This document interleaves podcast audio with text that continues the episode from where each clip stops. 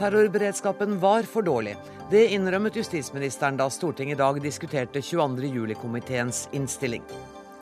Filippinske sykepleiere måtte sette seg i gjeld for å jobbe på Oslo universitetssykehus. Minner om menneskehandel, sier Sykepleierforbundet. Likestillingsforkjemper Toril Skar blir kommandør av St. Olavs orden. Den mest maskuline prisen jeg har fått, sier kvinnesaksforkjemperen.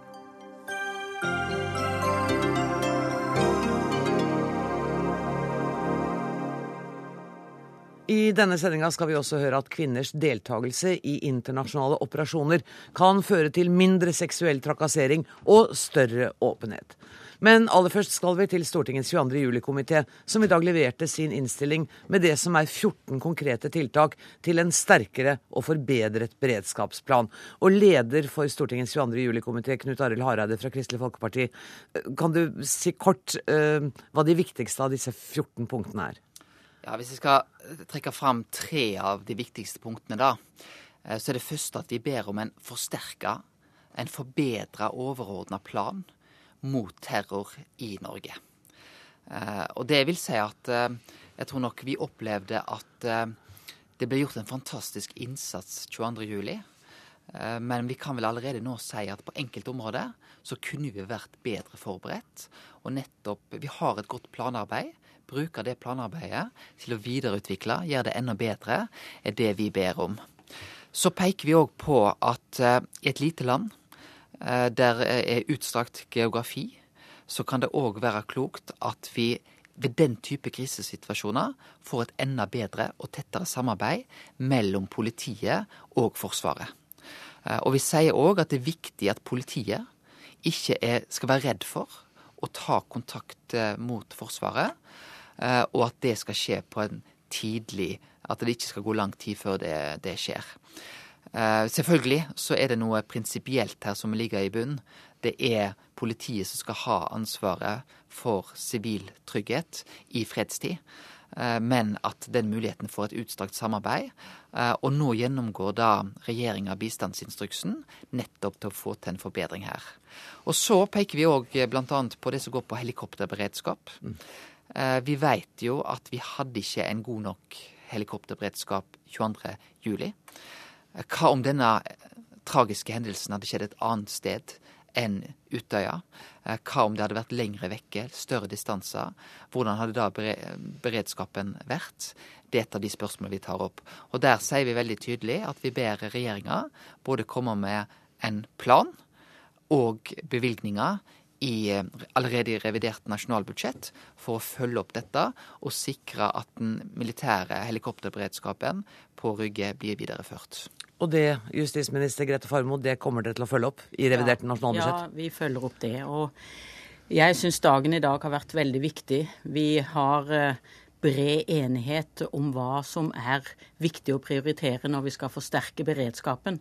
Og for regjeringen og for justisministeren så er det viktig å ha et eh, så solid eh, mandat fra Stortinget med i denne viktige jobben.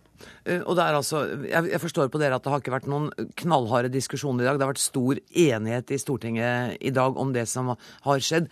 Så det kommer ikke til å bli noe krangel mellom dere to heller i denne sendinga?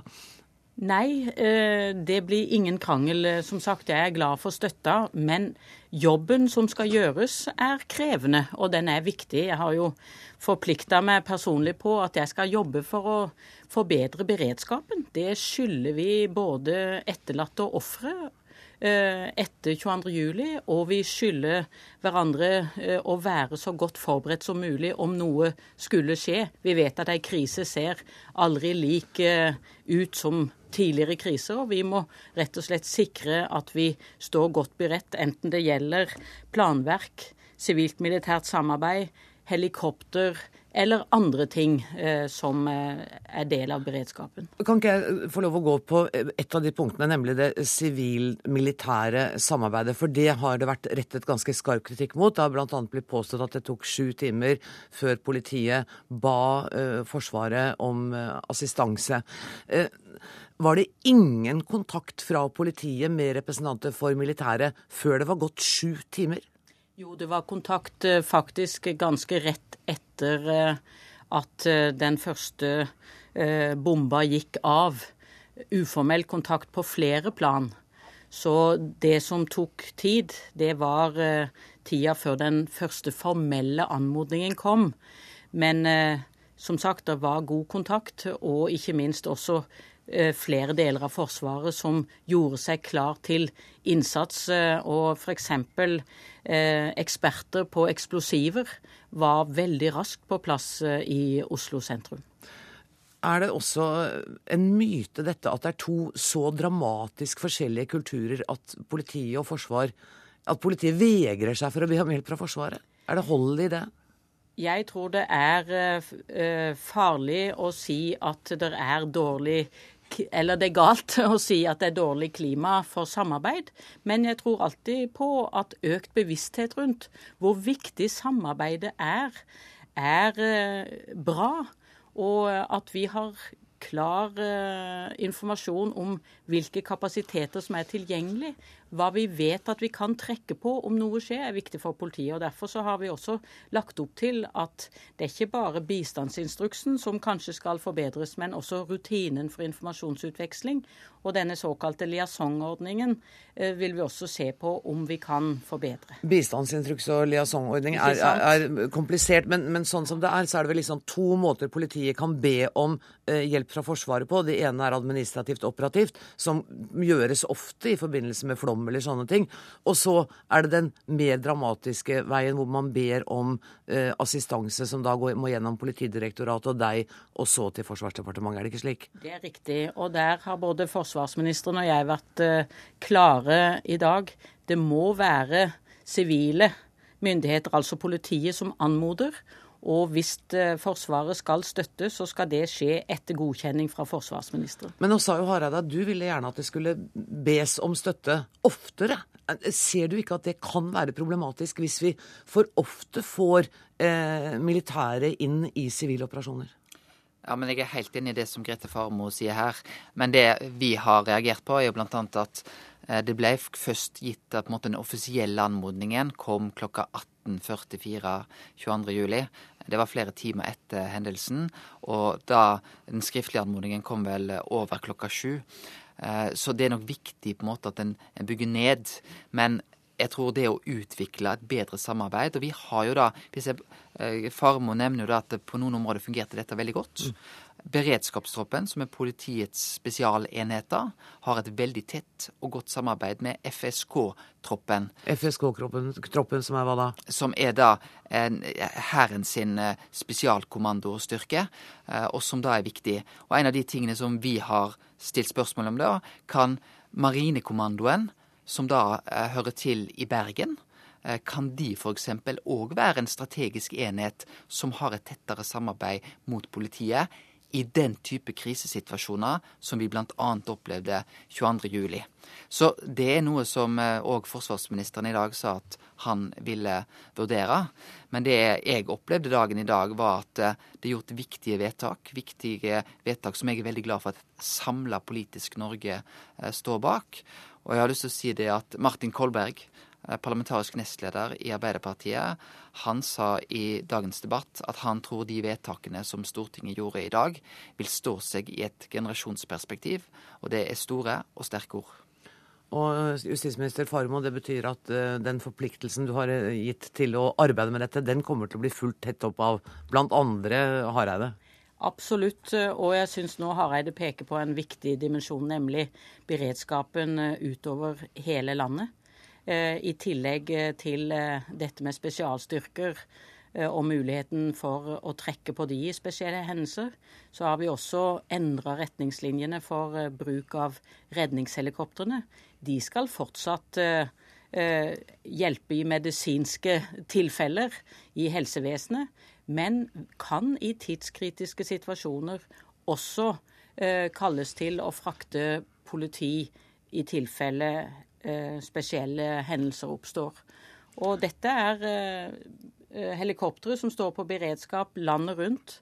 15 minutters beredskap, og som derfor også kan bidra til eh, at vi er også i, i en bedre situasjon andre steder enn Vi står altså bedre rustet til en terrorhandling terror, eh, som vi håper vi aldri skal oppleve. Jeg må si tusen takk til dere, Knut Arild Hareide og Grete Faremo. På veien ut, Grete Faremo, så vil du treffe din tidligere departementsråd fra da du var eh, bistandsminister. Tusen takk for at du kom.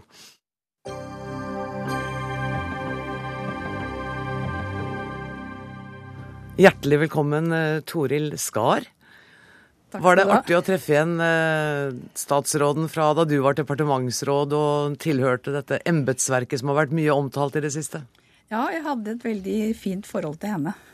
Med avklarte roller. Trengte hun noen statsrådsskole? Nei, jeg, hun hadde jo vært i Norad før og kunne de to rollene mm. mellom embetsperson og politiker. Men jeg har nok tenkt veldig mye nå, og jeg er enig med Kristin Clemet at vi burde ha en statsrådsskole.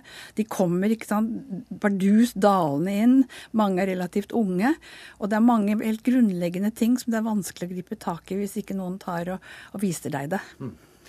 Det er ikke derfor jeg har invitert deg i dag. Gratulerer. Du er kommandør av St. Olavs orden. Det er den mest maskuline tittelen jeg har hatt, tror jeg. Men den er jo litt veldig hyggelig. Og du bedrer eh, kvinnestatistikken på den lista over hvem som er Det er én eh, kommandør i år som er kvinne, som er, som er eh, utnevnt. Og så er det deg. Ja, det er jo veldig få kvinner. Så mm. jeg vet at det er kvinnesakskvinner som har foreslått meg. Og, og, en av grunnene er jo å få opp den statistikken. Og jeg vil anmode kvinner, eller hvem som helst, om å foreslå flere kvinner. Fordi at det er mange kvinner som fortjener det. Jeg har glemt å si gratulerer med dagen i dag. Med ja. kvinnedagen, tenker jeg da på. Det òg, ja. Er 8. mars fortsatt viktig som eh, kvinnepolitisk markeringsdag? Jeg syns det er veldig viktig. fordi at, eh, at er, altså, veldig mye av kvinnespørsmålene blir jo fortiet. Mm. Jeg sender jo artikler til uh, viktige aviser som Aftenposten og Dagbladet. Jeg får det jo ikke inn. Det er ikke liksom ikke mote. Og da at i hvert fall én dag vi i hvert fall er sikret at, vi, at det kommer fram i mediene.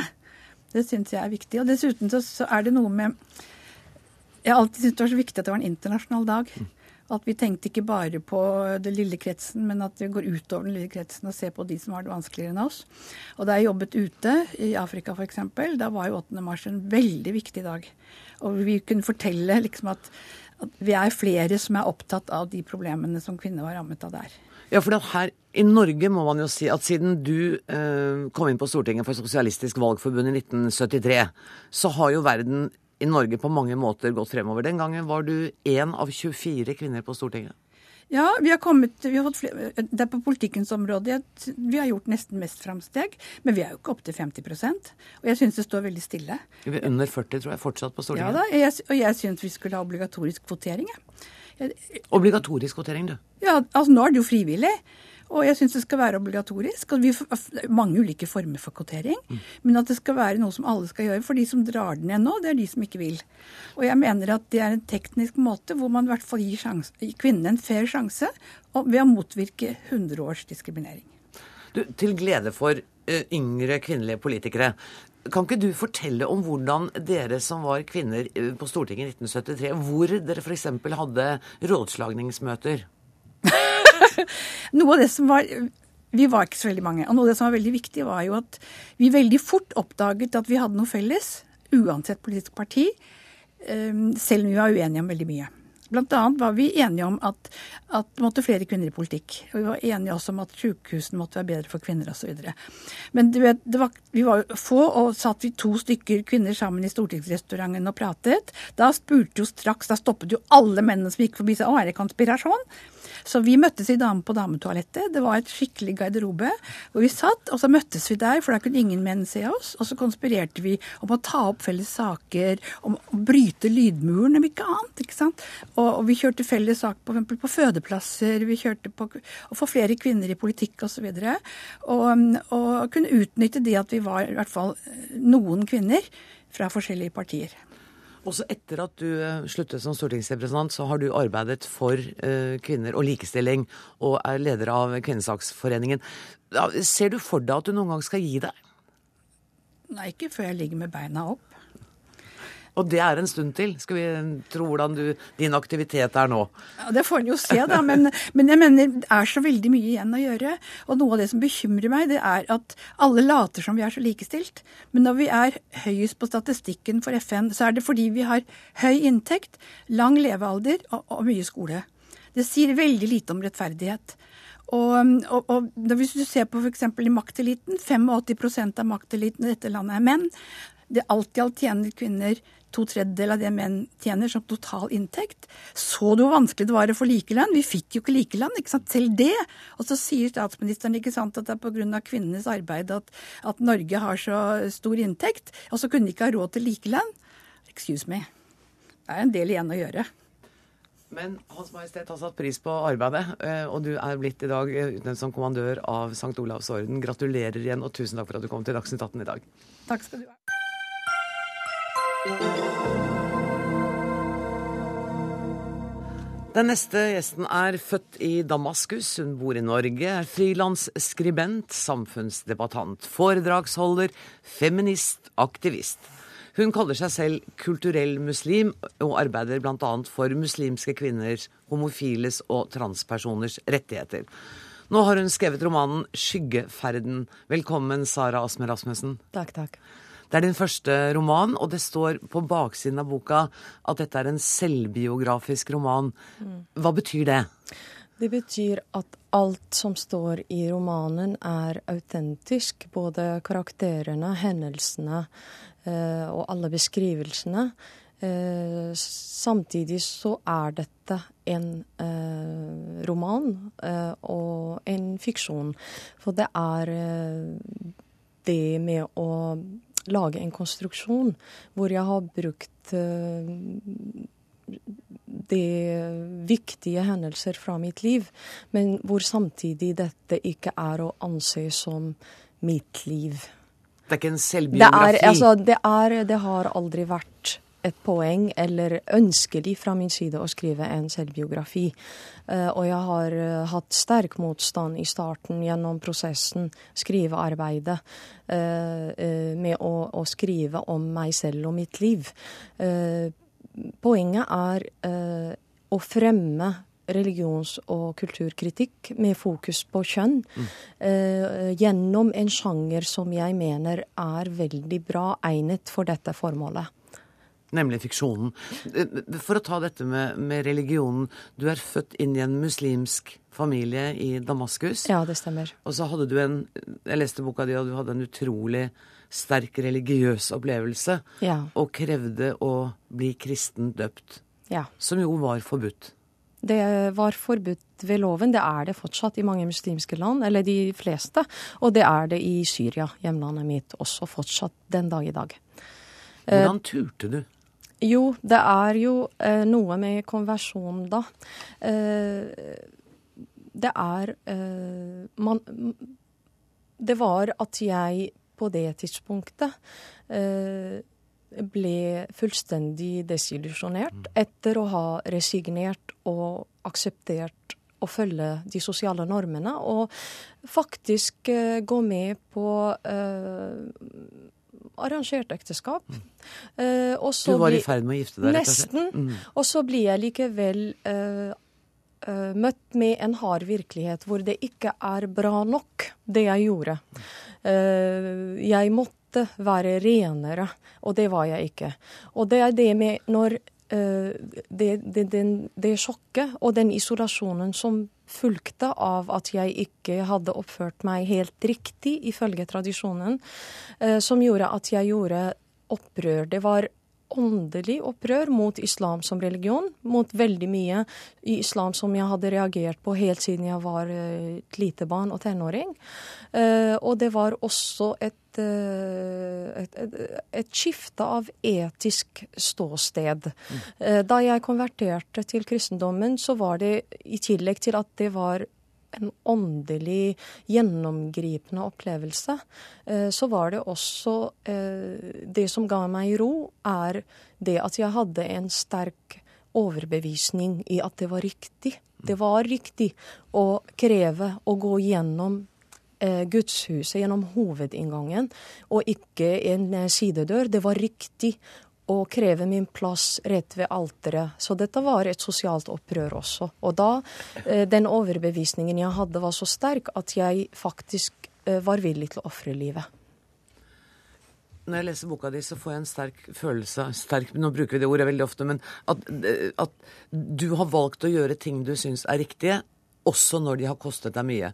Mange i Norge vil huske deg for den kvinnen som brant hijab, eller sløret, på 8. mars på Youngstorget. Er det, er det det mest kraftfulle uttrykket du har brukt?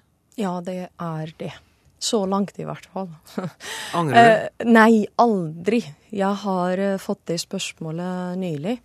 Og jeg har fått kritikk nylig, også gjennom tidsskriftet Fett, faktisk, i siste nummer, for hijabbrenningen.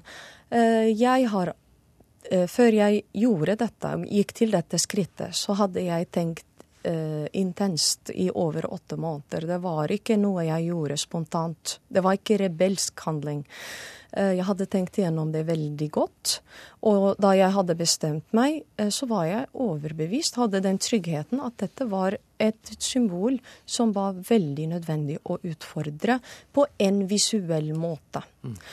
Og jeg har ikke angret, og jeg er veldig stolt av denne handlingen. Vi skulle hatt mye tid til å snakke om boka di, for det, det, du tar oss med på, er jo den reisen fra du som lite barn var født i en middelklassefamilie eller overklasse i, i Damaskus, og til du står alene i Norge. Jeg bare, kan du ikke svare helt kort på, hvis det går an, hva har faren din betydd for deg?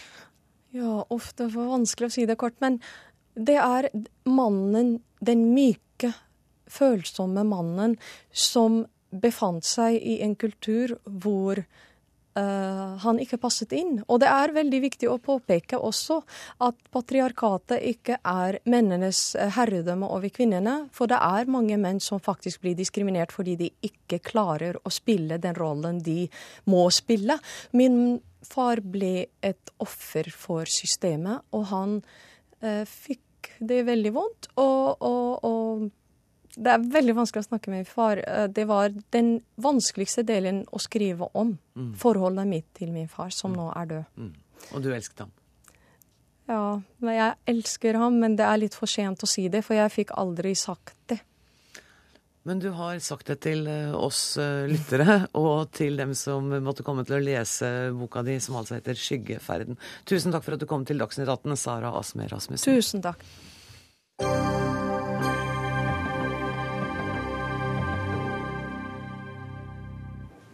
Så skal vi til det som har blitt sammenlignet med menneskehandel ved Oslo universitetssykehus. Tre filippinske sykepleiere som ble hentet til Norge for å arbeide på Oslo universitetssykehus, måtte ta opp et forbrukslån og betale jevnlige avdrag av lønna til en mellommann. Eli Gunhild By, du er leder i Norsk Sykepleierforbund.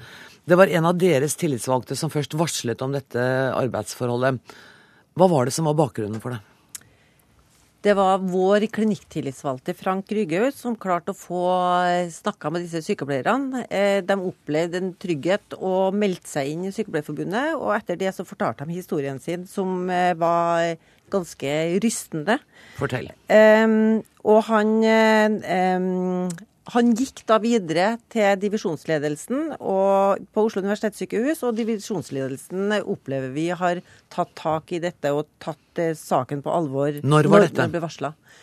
Eh, dette var for eh, en ukes tid for, for, en tid tilbake. Mm.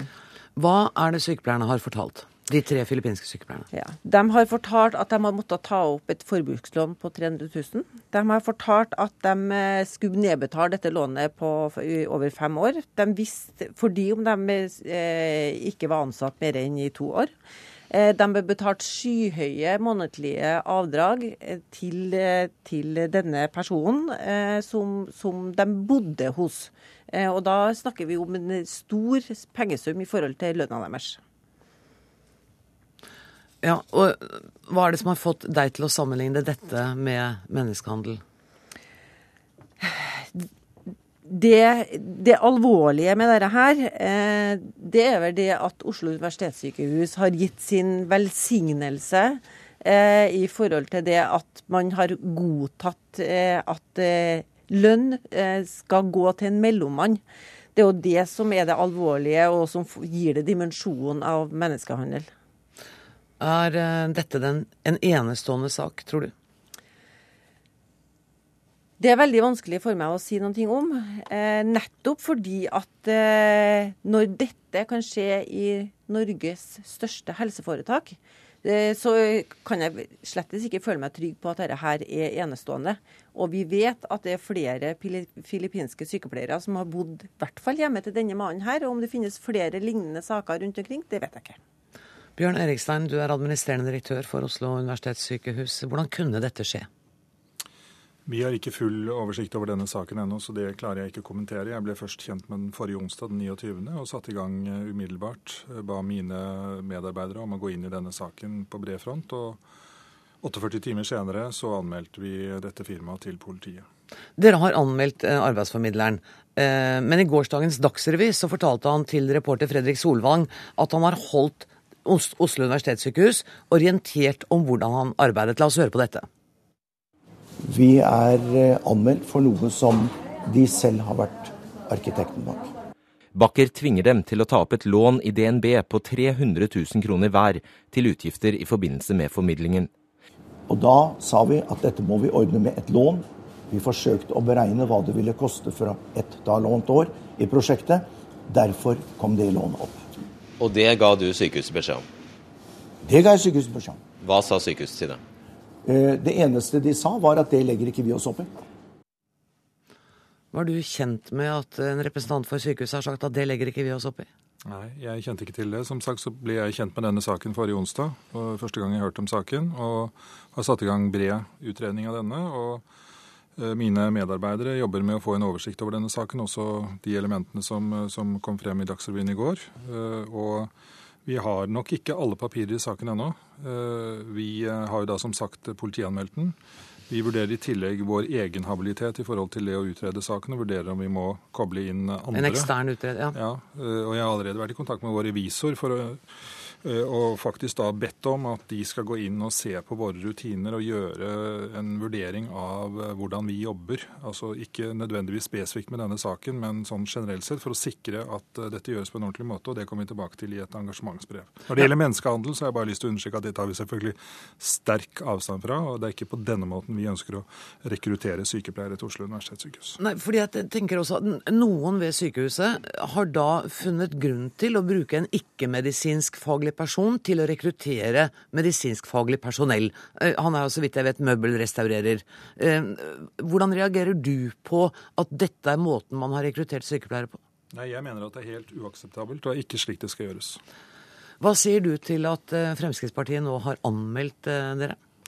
Ja, Det var nytt for meg. Vi uh, har hørt rykter om det tidligere i ettermiddag, men har ikke fått uh, bekreftet dette. Men hvis du bekrefter det, så tar jeg det til etterretning og vil bistå politiet uh, så godt vi kan med opplysninger om denne saken. Og Det vil selvfølgelig da, når det gjelder vår gjennomgang, stille den i et litt annet lys. Kari Kjos, du er med oss på telefon. Jeg må be mine kolleger, venner i studio å ta på seg hodetelefonene. Du, kan, du er representant i helse- og omsorgskomiteen for nettopp Fremskrittspartiet. Jeg går ut fra at du kan bekrefte at dere har anmeldt? Eh, ja, det kan jeg bekrefte. Hvor alvorlig ser dere på denne saken? Jeg, jeg syns at det er en forferdelig stygg sak. Eh, og eh, når kvinner blir lurt fra Altså, jeg har vært i Filippinene, i slummen der nede, og ser hvordan de lever. Og hva de ønsker for seg og sine. Og så blir de lurt til Norge med en gjeld som gjør at de er bundet av et annet menneske for evig tid, nærmest. Altså 300 000 hver. Det er enormt mye penger, eh, i hvert fall på Filippinene. Eh, og så er det dette med at mailer viser at eh, sykehuset har vært kjent med at man bruker en mellommann som ikke er et registrert vikarfirma. Eh, så det er liksom en sånn sammensurium av eh, masse stygge ting med, eh, med dette som gjør at jeg tror det er noe av det verste jeg har vært borti. Og nå hører du at uh, direktør Bjørn Erikstein sier at uh, han vil selvfølgelig bistå politiet på alle mulige måter i denne saken. Jeg må gå til deg, Bent Høie, som er helsepolitisk talsmann i Høyre. Uh, da vi først hørte om anmeldelsen i dag, så kom det også melding om at dere sto sammen med Fremskrittspartiet bak den. Det gjør dere altså ikke. Hvorfor har dere valgt å ikke være med på politianmeldelsen? Nei, jeg, jeg, at jeg er glad for at sykehuset òg blir etterforska av politiet. For jeg mener at det er strafferettslige forhold som politiet bør se på. Men som stortingsrepresentant så har vi andre virkemidler enn politianmeldelse. og Det var det som var vår vurdering, selv om ikke det var en enkel vurdering. fordi jeg er rett og slett glad for at Fremskrittspartiet faktisk har politianmeldt sykehuset. For jeg tror det er riktig å få den gjennomgangen fra politiet. Men det hadde da sannsynligvis kommet uansett, siden politiet er kobla inn i saken. Hvilke men, andre metoder er det dere har? Nei, altså Jeg mener at uh, denne saken er òg alvorlig på forhold som ikke har med straffelovgivningen å gjøre, men som har med sykehusets interne regelverk å gjøre, og de nasjonale eh, føringer og regler som er gitt eh, overfor offentlig virksomhet på mange områder. Altså det er nesten eh, det er nesten ikke et område det ikke gjelder på, men altså det handler jo både om hvilke innkjøpsrutiner en har, altså det at en hele kan ha et samarbeid med den type firma og til den type oppdrag i forhold til ansettelsesforhold til disse filippinerne, som, som, jo har vært i en veldig vanskelig situasjon. Og vi vet jo ikke eh, egentlig om ansettelsesforholdet. Vi har prøvd å finne ut av arbeidskontrakten i dag, og det har vi ikke klart. Og det gir også veldig, gjør oss òg veldig urolig i forhold til eh, har sykehuset i hele tatt oversikt over eh, hvem som jobber på sykehuset, hva kompetanse de har, hele vurderingen der. Og det som jo gjør dette enda mer spesielt, er jo at eh, helseministeren har vært i Stortinget og forsikra om at helseforetakene skulle gå grundig gjennom disse forholdene i etterkant av Adecco-saken.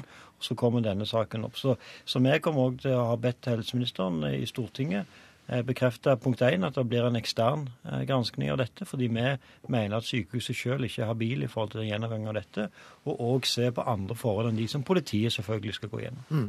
Vi har også invitert eh, helseministeren til studio i dag, men hadde ikke anledning til å komme. Men Thomas Breen, helse- og omsorgskomiteen for Arbeiderpartiet, jeg skal ikke gjøre deg til noe skyldig i dette her, men du har selv arbeidet politisk for å bekjempe menneskehandel. Hvordan reagerer du på denne saken? Eh, når jeg først eh, hørte om saken i går på Dagsrevyen, så må jeg si at jeg ble forferda. Eh, både fordi at alvorlighetsgraden og påstandene er så tydelige i den saken her, og fordi at det har vært et politisk mål for oss i lang tid å bekjempe både sosial dumping og menneskehandel. Jeg er enig med Sykepleierforbundet sånn som saken er framstilt, at han tenderer en stand imellom. Fordi her har man tvangselementer, både økonomisk, men òg i form av frihetsberøvelse i forhold til hvordan de kunne bevege seg, hva de skal spise osv. Og, så og de fikk ikke lov å snakke med noen? Som tenderer mot menneskehandel i mitt hode, hvis det stemmer det som påstås. Eh, og Det betyr også at politiet her eh, må selvfølgelig granske bredt og etterforske bredt. Det betyr at de selvfølgelig må etterforske eh, firmaet som er anmeldt fra OS, men de må også etterforske og eventuelt eh, påtale eller frikjenne eh, ansatte ved OUS, sånn jeg ser det. Fordi straffeloven eh, går foran foretaksloven i mitt hue i den saken her. Sånn at det er maktpåliggende å få klarhet i saken i full bredde. Og for regjeringa så er det et poeng i seg sjøl at de som har drevet med denne type aktivitet, hvis det stemmer, blir påtalt og dømt. Eh, direktør Erikstein, eh, vi har altså prøvd å finne ut hva slags arbeidskontrakt eh, de tre filippinske kvinnene hadde med sykehuset, og klarte det ikke. Har du klart å finne ut hva slags kontrakter de hadde? Vi har ikke oversikt over det, dessverre. Vi har tatt vare på disse kvinnene. Vi skal hjelpe dem med bolig, og vi hjelper dem med jobb. Kan det være mulig at det ikke foreligger noen kontrakt? Det eneste jeg har sett, det er en melding til Skatt øst om et arbeidsforhold, men jeg har ikke sett noen arbeidskontrakt. Hva tenker Hva mener dere om det i Sykepleierforbundet? At, at det kanskje ikke engang er en kontrakt? Det må finnes en arbeidskontrakt eh, når man har ansatte på denne måten her. Eh, men ja, det, da, vi trodde jo ikke at det heller skulle importeres eh, sykepleiere fra Filippinene på denne måten. Altså, nå begynner det å ligne sånn at ingenting er umulig. Nei, og det er jo det som er, det er, det som er helt rystende. Når man, når man, får høre slike historier som dette her, så tror man jo ikke at det er sant. Og når tillitsvalgte kommer til oss og forteller en sånn historie, så blir jeg i hvert fall veldig sjokkert. Og så, og så trodde vi at eh, Adecco-saken var en stor sak, men dette her er jo mye verre, sett ut ifra mitt ståsted i hvert fall. Og det er veldig Verre enn Adecco-saken? Ja. ja Ja, jeg, jeg syns på ett vis, sjøl om det er alvorlig at man ikke har en arbeidskontrakt, så syns jeg straffelovens eh, paragraf om menneskehandel er langt alvorligere. Her snakker man om en strafferamme på inntil ti år. Jeg mente så, ikke å antyde at det var mer nei, men, alvorlig at de ikke hadde en kontrakt, men det sier noe om hele det bildet vi nå får avtegnet, ikke sant? Ja, og jeg har også sett en del på nett i dag at en del er på det sporet. Jeg vil eh, først og fremst få klarhet i forhold til straffeloven her, fordi eh, Stortinget har jo bestemt at det er en strafferamme altså på inntil ti år. Og det er en svært alvorlig sak. Det er få lovbrudd som gir sånne strafferammer, og det er selvfølgelig maktpåliggende at det blir klarert først. Jeg har bare behov for å si også at uh, den som har formidlet uh, denne kontakten, altså Lars Bakker, er invitert til å være i studio. Det er også hans uh, advokat Nils H. Storeng. Ingen av dem hadde anledning til å møte, bare sånn at vi har det klart. ja, Høie. Altså det som Jeg er helt enig med Thomas Breen at det som er til straffeloven, menneskehandelsspørsmålet, er det som er det mest alvorlige. Det er det ingen tvil om. Men det er òg veldig alvorlig eh, at eh, et eh, stort offentlig sykehus nå ut fra det som vi i hvert fall vet nå, kan ha ansatte sykepleiere som ikke har ansettelseskontrakter, som er rekruttert gjennom et møbelfirma. Det virker om totalt sviktende system og kontrollrutiner som er oppsiktsvekkende. Eh, og Det kan jo da bety at det òg er andre forhold ved sykehuset som vi ikke vet om, som kan dukke opp. Eh, som ikke handler om menneskehandel, men som handler om alvorlige forhold i forhold til, til både ansettelsesforhold, men òg kompetanse. Og Så har jeg òg lest referatet fra det møtet mellom sykehuset og denne formidleren eh, der bl.a. det legges opp til at formidleren skal styre nærmest fritida til disse sykepleierne. Ta de med på kulturaktiviteter, tvinge de til å snakke norsk på fritiden. Og Det står altså i referatet fra et møte med et offentlig norsk sykehus. Dette er dypt sjokkerende. Erikstein, eh, de mangelfulle rutinene, og dette eh, var jo eventuelt da et faktum før du tiltrådte stillingen din. Men er du nå redd for hva du kommer til å finne eh, av uhumskheter når dere nå setter i gang denne grundige gjennomgangen? Jeg ønsker i hvert fall å, sette, eh, å igangsette denne gjennomgangen sånn at jeg kan trygge meg på at vi har gode rutiner og at vi jobber på en ordentlig måte. At vi eh, bruker innkjøpsregelverket på en riktig måte, og at vi ivaretar våre ansatte på en god og trygg måte. Det er det jeg ønsker. Og dere garanterer nå at disse tre kvinnene i hvert fall nå er godt ivaretatt og har fått fast tilsetting? Ja, det, det kan jeg bekrefte. At de er godt ivaretatt så langt jeg kjenner til. Tusen takk for at dere kom i studio, Bjørn Erikstein, Thomas Breen, Bent Høie og Kari Kjos, og Eli Gunhild By.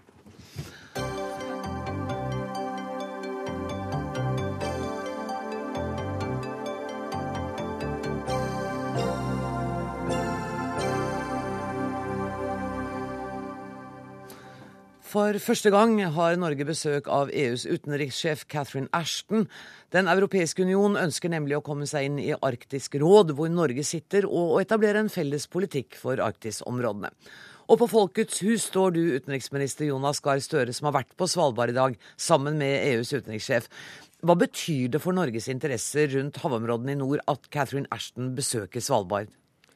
Det er for det første veldig spennende at hun uh, blir med på tur nordover når hun først kommer til Norge. Uh, og vi har fått grundig se hva Svalbard er. Vi har møtt forskningsmiljøene, industrimiljøene, lært Svalbard å kjenne på ett døgn, hvis det er mulig. Uh, og så er Den europeiske union opptatt av å bli observatør i Arktisk råd, ikke mm. medlem. og det er noe vi syns er en god idé. fordi at utfordringene der oppe i hele Arktis krever internasjonalt samarbeid. At de som er tunge aktører i det internasjonale samfunnet baserer seg på det samme kunnskapsgrunnlaget, samme rettsgrunnlaget, har den samme tilnærmingen til hvordan man skal forvalte dette på en forsvarlig måte. Eh, og Da er det for kyststaten Norge viktig å ha partneren EU med. Tre av de arktiske statene er jo EU-medlemmer. Og Den europeiske union for øvrig ligger eh, nord på kloden og opp mot Arktis. Og jeg syns at dette er viktig for at eh, informasjonen sprer seg, og at Norge kan også være med å påvirke våre, våre syn og holdninger inn i den eh, gjennomtenkningen EU nå gjør. Jeg tror at du ved siden av deg nå har Catherine Ashton. Kunne du tenke deg å gi henne mikrofonen? Ja, jeg skal til og med holde mikrofonen for ah, henne. Så du kan bare begynne. Ja, Greit. Catherine Ashton, I'm so glad to have you with us. I hope you enjoyed Svalbard earlier today. It was absolutely beautiful. What an extraordinary experience to be able to go to Svalbard and to meet with people involved in research, to see the university, to meet students, to have the chance to meet people who are living there, and most of all, perhaps, to see the children welcoming the return of the sun. Yeah, because that's happened. That happened today, didn't it? Um, why is the Arctic area so important to the EU? Well, of course, some of our member states have a direct involvement in the Arctic. But I believe when you look at the combination of concerns and issues for the Arctic, on the one hand, environmental, what's happening with climate change, the impact that has on what is quite a fragile region, combined with the economic activity there and the opportunity perhaps, then the EU, with its 27 member states, I believe, has a contribution to make in support of those who are directly engaged there. What is your opinion on the Svalbard Treaty? Well, I don't have an opinion on the Svalbard Treaty. The Svalbard Treaty is separate to the European Union's role and engagement. What we're interested in is developing the right kind of policy towards the Arctic that we can share with those like Norway who are directly involved and where we really do help to deal with, as I've said, both the challenges and the opportunities. There's no sign of uh, disagreement between you and the Norwegian uh, Minister of Foreign Affairs then? Well, not yet. I hope not. We we don't plan there to be either. What I'm really interested in is is seeing for myself. You know, this was part of a tour that I've done, which ended uh, in the spectacular visit to uh, Norway itself, and where we're looking to try and develop the policy by engaging with people and writing something that we think shows what Europe can offer, and we'll share that with our partners like Norway. Thank you so much, Catherine Ashton. I would like to ask a few more questions to Jonas Gahr Støre, if I may. Vær så god. Uh, hun, hun, snakker jo her om, om, det fantastiske aktivitetsnivået, både når det gjelder uh, akademisk utvikling, forskning, og om klima og sårbarheten til uh, Svalbard. Hva slags samarbeid er det da aktuelt for Norge å ha med EU når det gjelder nordområdene? Altså det er jo slik at EU er to ting her. da. Det er 27 medlemsland. Tre av dem er våre nordiske naboer og arktiske stater med i Arktisk råd. Eh, og så er EU-statene eh, e de som er nærmest på Arktis eh, i andre sammenhenger også. Når vi nå skal forsøke å gjennomføre en skipsfartspolitikk, retningslinjer for skipsfarten i nord, så skjer det i Den internasjonale maritime organisasjonen. Vi ønsker at EU-landene som deltar der, er på nivå i kunnskap og analyse for de viktige farvannene. Hun har sett med egne øyne i dag at det er EU-forskning, EU-land som forsker uh, på Svalbard. Det er nyttig for henne å få med. Men vet, EU er jo to ting. Da. Det er medlemslandene, og så er det EUs institusjoner. Mm. Uh, og Det vi har møtt i dag, er jo da uh, lederen for utenrikspolitikken i EUs institusjoner. og Min, det jeg ser som mitt oppdrag, oppdrag som utenriksminister med nordområdepolitikken som prioritet, det er jo at våre partnere vet hva som skjer, har vært der og har sett enten det er Hillary Clinton eller Catherine Ashton, at de har sett med egne øyne, erfart hva som er sårbarheten, mulighetene og, og, det som gjør inntrykk på alle, nemlig naturen i nord. Og Det har vi fått til tror jeg, det siste døgnet. og det eh, kan egentlig bare gjøre oss klokere. Og Så kommer det til å komme sikkert spørsmål hvor vi kan ha noe ulike syn, men det vil jo uansett. og Da er det bedre at det skjer på et godt informert grunnlag. Ja, Uenighet er i hvert fall ikke noe Catherine Ashton streber etter. Men du, jeg hørte også, det er rykte om at dere har sendt opp en forskningsballong, og at du skrev 'Hjelp oss å forstå mer'.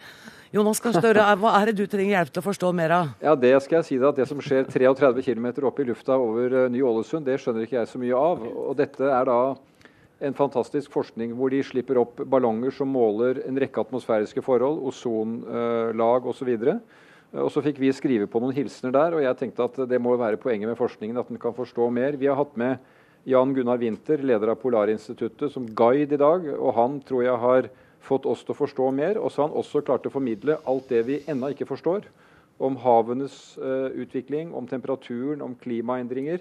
Mange ubesvarte spørsmål. og det, Da må vi altså satse på mer forskning, mer samarbeid. Det er de bidragene vi kan gi som regjeringer og politikere, og som uh, jeg tror også EU så i dag. Jeg slutter meg til det ønsket. Hjelp oss å forstå mer. Eh, tusen takk, Jonas Gahr Støre, og hils også Catherine Ashton og si takk for at du var med i Dagsnytt 18. Helene Sjursen, du er professor ved Arena senter for europaforskning ved Universitetet i Oslo, og en av våre fremste eksperter på EUs utenrikspolitikk. Jeg må spørre deg også, Hvilken interesse er det EU har av Arktis? Ja, jeg tror at vi Foreløpig så, så, tror jeg ikke vi kan snakke om at EU har noen konkrete interesser i Arktis. Altså, vi tenker jo ofte at utenrikspolitiske aktører de har alltid gitte interesser som de, de, de på, er, på, en måte bare er der. Og så lager de politikk ut ifra de interessene. Ja. Det er ikke tilfellet her. Det er jeg ganske sikker på. Eh, jeg tror heller at vi må se på dette som en del av EUs arbeid med å styrke og utvide sin globale rolle. Så utvider de sine aktiviteter på forskjellige geografiske områder. Og da er det klart at Arktis er veldig viktig og veldig spennende globalt. Det er en masse som foregår både når det gjelder forvaltning av ressurser, eh, olje og gass. Eh, du har Altså EU har en eh, stor eh, maritim flåte. Det er sjøveier der oppe som er viktige. Eh, ja, det er en hel rekke viktige internasjonale spørsmål som, som eh, det er klart EU også ønsker å, å være med på å ja, diskutere og, ja, og utvikle politikk der. Sånn at Ashtons besøk er mer en, en vennlig symbolhandling uh, overfor Norge? Ja, altså dette er jo en større reise. Hun har vært i Finland, så var hun i Sverige, og nå er hun i Norge. Eh, og, og, jeg tror ikke dette er noe vennlig gest overfor eh, Støre eller eh, Norge. Jeg tror rett og slett det er eh, en, et, et, ledd i utarbeidelsen av denne politikken. Altså EU har jo allerede en, en strategi for Arktis. Den kom i rundt 2008, og nå skal de revidere den strategien og sannsynligvis pensle den ut litt tydeligere enn det, det, det den var i, i første omgang. Kan du fortelle meg kort, Hvordan er hennes posisjon som utenrikssjef i EU? For hun har jo fått kritikk, fordi hun bærer flere hatter, bl.a. som nestleder av kommisjonen. ikke sant? Mm, mm. Hvordan, hvordan, er stillingen hennes? Ja, altså hun, hun, har fått kritikk for å være svak og utydelig og vag osv. Og, så og det, det, det, treffer vel Det treffer delvis, men, men, eh, jeg tror ikke det treffer helt. For hun har hatt en veldig vanskelig jobb. Hun har ledet arbeidet med å etablere denne nye utenrikstjenesten til EU, eh, som kom etter Lisboa-traktaten. Og det er altså rett og slett en omfattende omlegging av alle EUs institusjoner og måten EU eh, utformer sin utenrikspolitikk på. Da slår man sammen eh, deler av kommisjonen, deler av generalsekretariatet, og så skal man ha inn representanter fra medlemsstatene. Eh, og få dette til å fungere, og fungere effektivt, det er helt klart en vanskelig jobb. Så mye av hennes tid har gått med til det. Eh, og der har det vært eh, mye krangling. Altså, I Norge så klarer vi jo ikke engang å slå sammen to kommuner, så at EU har problemer der, det, det, det er, er, jo ikke så rart. rart. Og vi har ikke sett slutten av hennes arbeid. Jeg er nødt til å sette strek der, men tusen takk for at du kom, professor Helene Sjursen.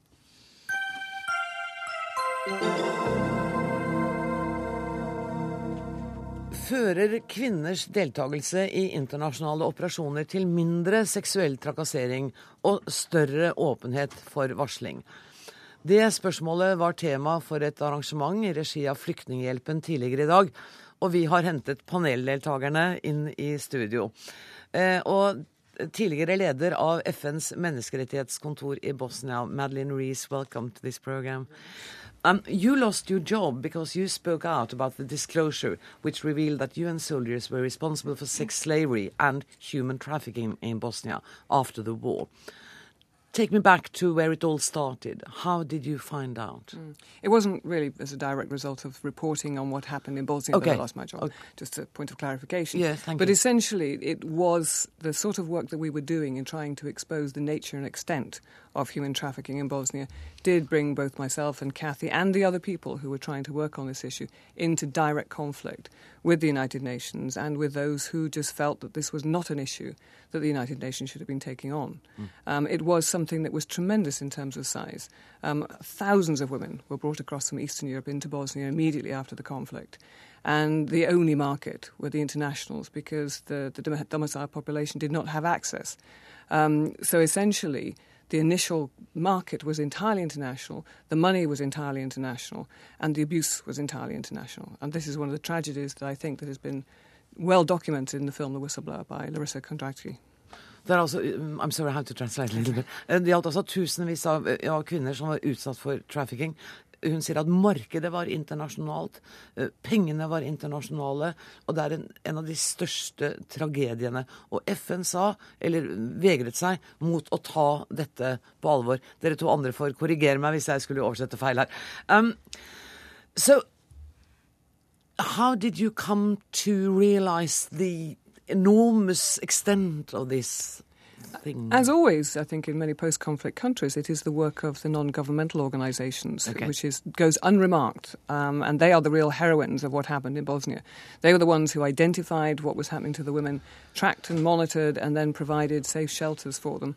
And we found out through our work with them on other issues um, plus I work with the judiciary, who were finding that women who had been trafficked were coming before them to be prosecuted as prostitutes on a regular basis, and strict liability they had to prosecute. So we were finding out from the NGOs, we were finding out from members of the judiciary, and then it was quite obvious from just our own eyes that you could see where, who are the which were the, the cars outside the brothels, and they were the ones with the UN plates. They were the ones with the UN plates. De bilene som sto utenfor bordellene, var altså biler med FN-skilt. Og Hun forteller også at disse kvinnene som da hadde vært ofre for trafficking, eh, regelmessig ble sendt til retten eh, og tiltalt som prostituerte. Eh, det var altså de frivillige organisasjonene som bidro til at disse grusomhetene kunne avdekkes. Um, you lost your job. That was sometimes uh, we, indirectly. At the time, um, the then uh, special representative of the Secretary General did actually have his deputy flown to see Mary Robinson.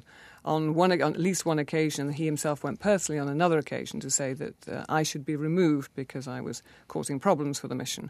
Uh, she, being a very staunch human rights defender and knowing what was going on, said absolutely not that I was doing my job. Um, and this is the truth of it. I think both Kathy Bolkovats, who exposed it, and myself, we were doing our jobs.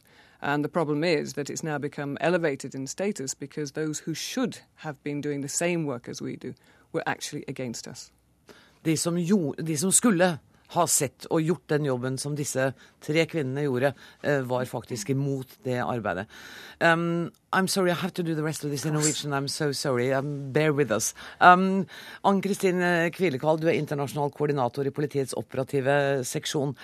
Du var den første kvinnelige politibetjenten i Afghanistan eh, noensinne som kom utenfra. Hvordan var det? Det er jo en utfordring. Eh, Den, min siste operasjon i Afghanistan var for FN. Eh, Og der eh, var jeg den første kvinne som politi i da FN, Unama-misjonen. Um, Personlig så, så har jeg veldig mye positive erfaringer med å, å være kvinne. Fordi som i Afghanistan så kan man delta og møte 100% av befolkningen, både kvinner og menn, som mine mannlige kollegaer ikke har muligheten til. Men når du hører den historien, og du kjente jo selvfølgelig før i dag den Ja, historien som Madeline ja. Reece eh, forteller det, det er jo nesten ikke til å tro. Nei.